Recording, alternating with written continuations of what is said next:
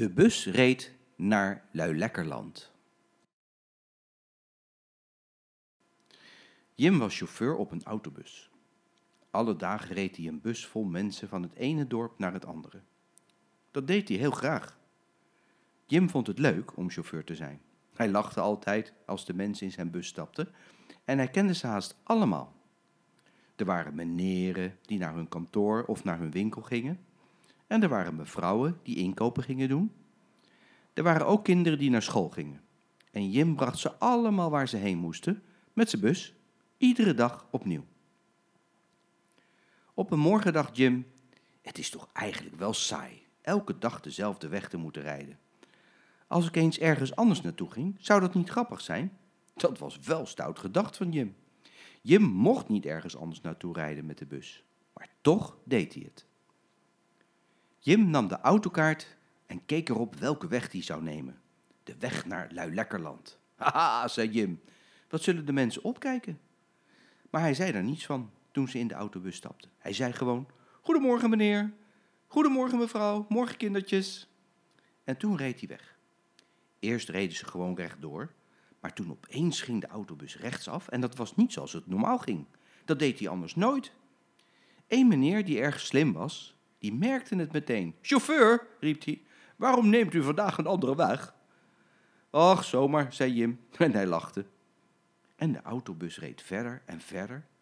Maar na een poosje riep een mevrouw met een boodschappentas: Chauffeur, zijn we er nu nog niet? Toen zei de chauffeur: Nog eventjes geduld, dame. En weer lachte die. ze reden en ze reden maar door. Niemand snapte er wat van. Maar waar zijn we ergens? riepen de kindertjes na een hele poos. Over een kwartier zijn we in Luilekkerland, riep Jim.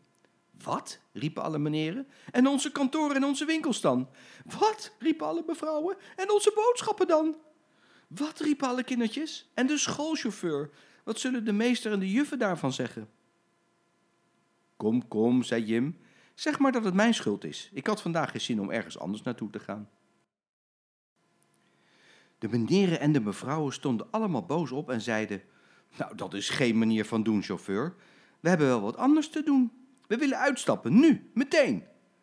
Maar juist reden ze de grens van Luilekkerland over en toen zagen ze zoveel lekkers dat ze met open mond door de raampjes keken en helemaal niet boos meer waren. Haha, lachte Jim, dat had ik wel gedacht. En hij reed met de bus tot op het chocolademarktplein en zei toen: Jullie mogen nu allemaal uitstappen, maar over een uurtje dan blaas ik op mijn fluitje en dan moeten jullie vlug naar de bus terugkomen, want we moeten natuurlijk op tijd weer thuis zijn. Ja, ja, zeiden de mensen, en ze drongen om zo vlug mogelijk uit de bus te komen. En daar liepen ze dan in Luilekkerland. Boven hun hoofden vlogen de gebraden kippetjes. Ze hoefden maar even te zwaaien of ze kwamen regelrecht in hun mond gevlogen. Lekker smaakte dat, zeg. Mmm.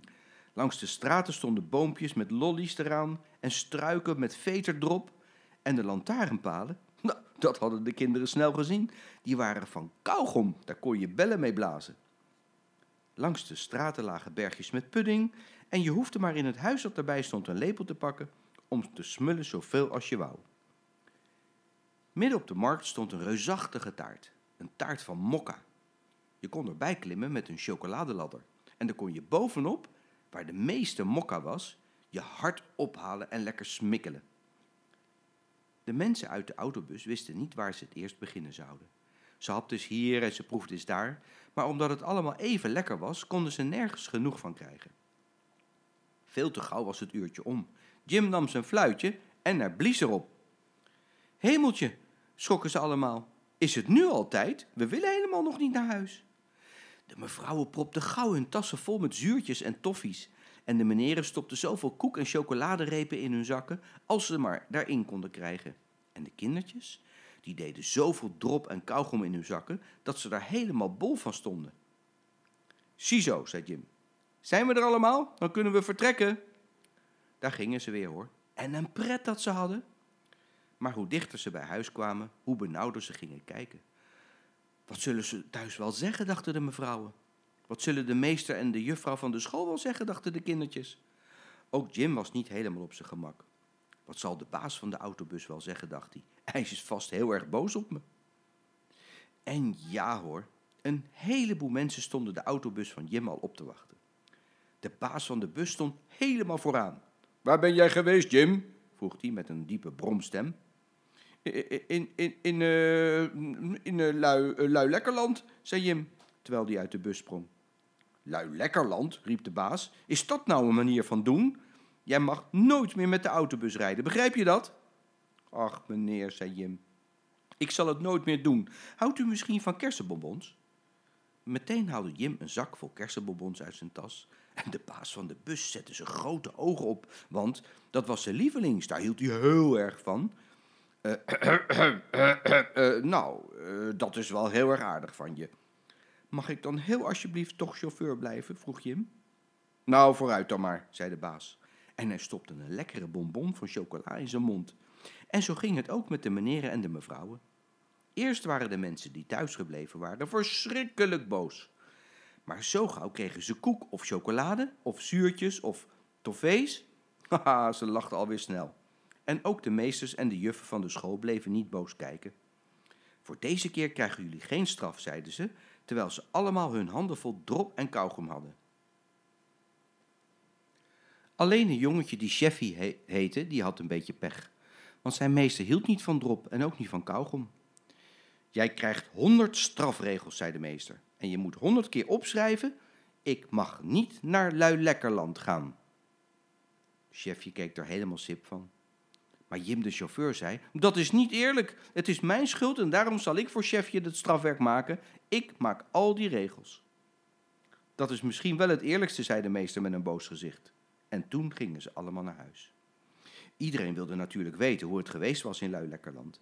En de meneren en de mevrouwen en de kinderen die vertelden honderd uit. Alleen de chauffeur vertelde niets. Die had wel wat anders te doen. Ik mag niet naar Luilekkerland gaan, moest hij schrijven. Honderd keer achter elkaar. Het duurde wel een uur voordat hij ermee klaar was. En dezelfde avond nog bracht hij het strafwerk bij meester van Cheffy. Die keek nog altijd boos. Ik hou niet van drop, mopperde. En kauwgom, die lust ik ook niet. Wat denken die kinderen wel? Houdt u dan misschien van appelflappen? vroeg Jim. Ik heb er nog drie in mijn tas zitten. Ze komen ook uit Leilekkerland. Nou, zei de meester van Cheffy, dat sla ik niet af, want die lust ik namelijk wel. Alsjeblieft, zei Jim. Ik hoop dat ze u zullen smaken. Dank je wel, zei de meester. En hij keek niet boos meer gelukkig. En Jim ging naar huis en kroop meteen in zijn bed, want hij was erg moe van al die strafregels. En de volgende dag reed hij gewoon weer van het ene dorp naar het andere. En ook de dag daarna. En alle andere dagen. Jim reed nooit meer met de bus naar Luilekkerland. Dat is maar goed ook, zeiden alle verstandige mensen. Alleen de kindertjes die zeiden wel eens zachtjes tegen elkaar. En toch is het jammer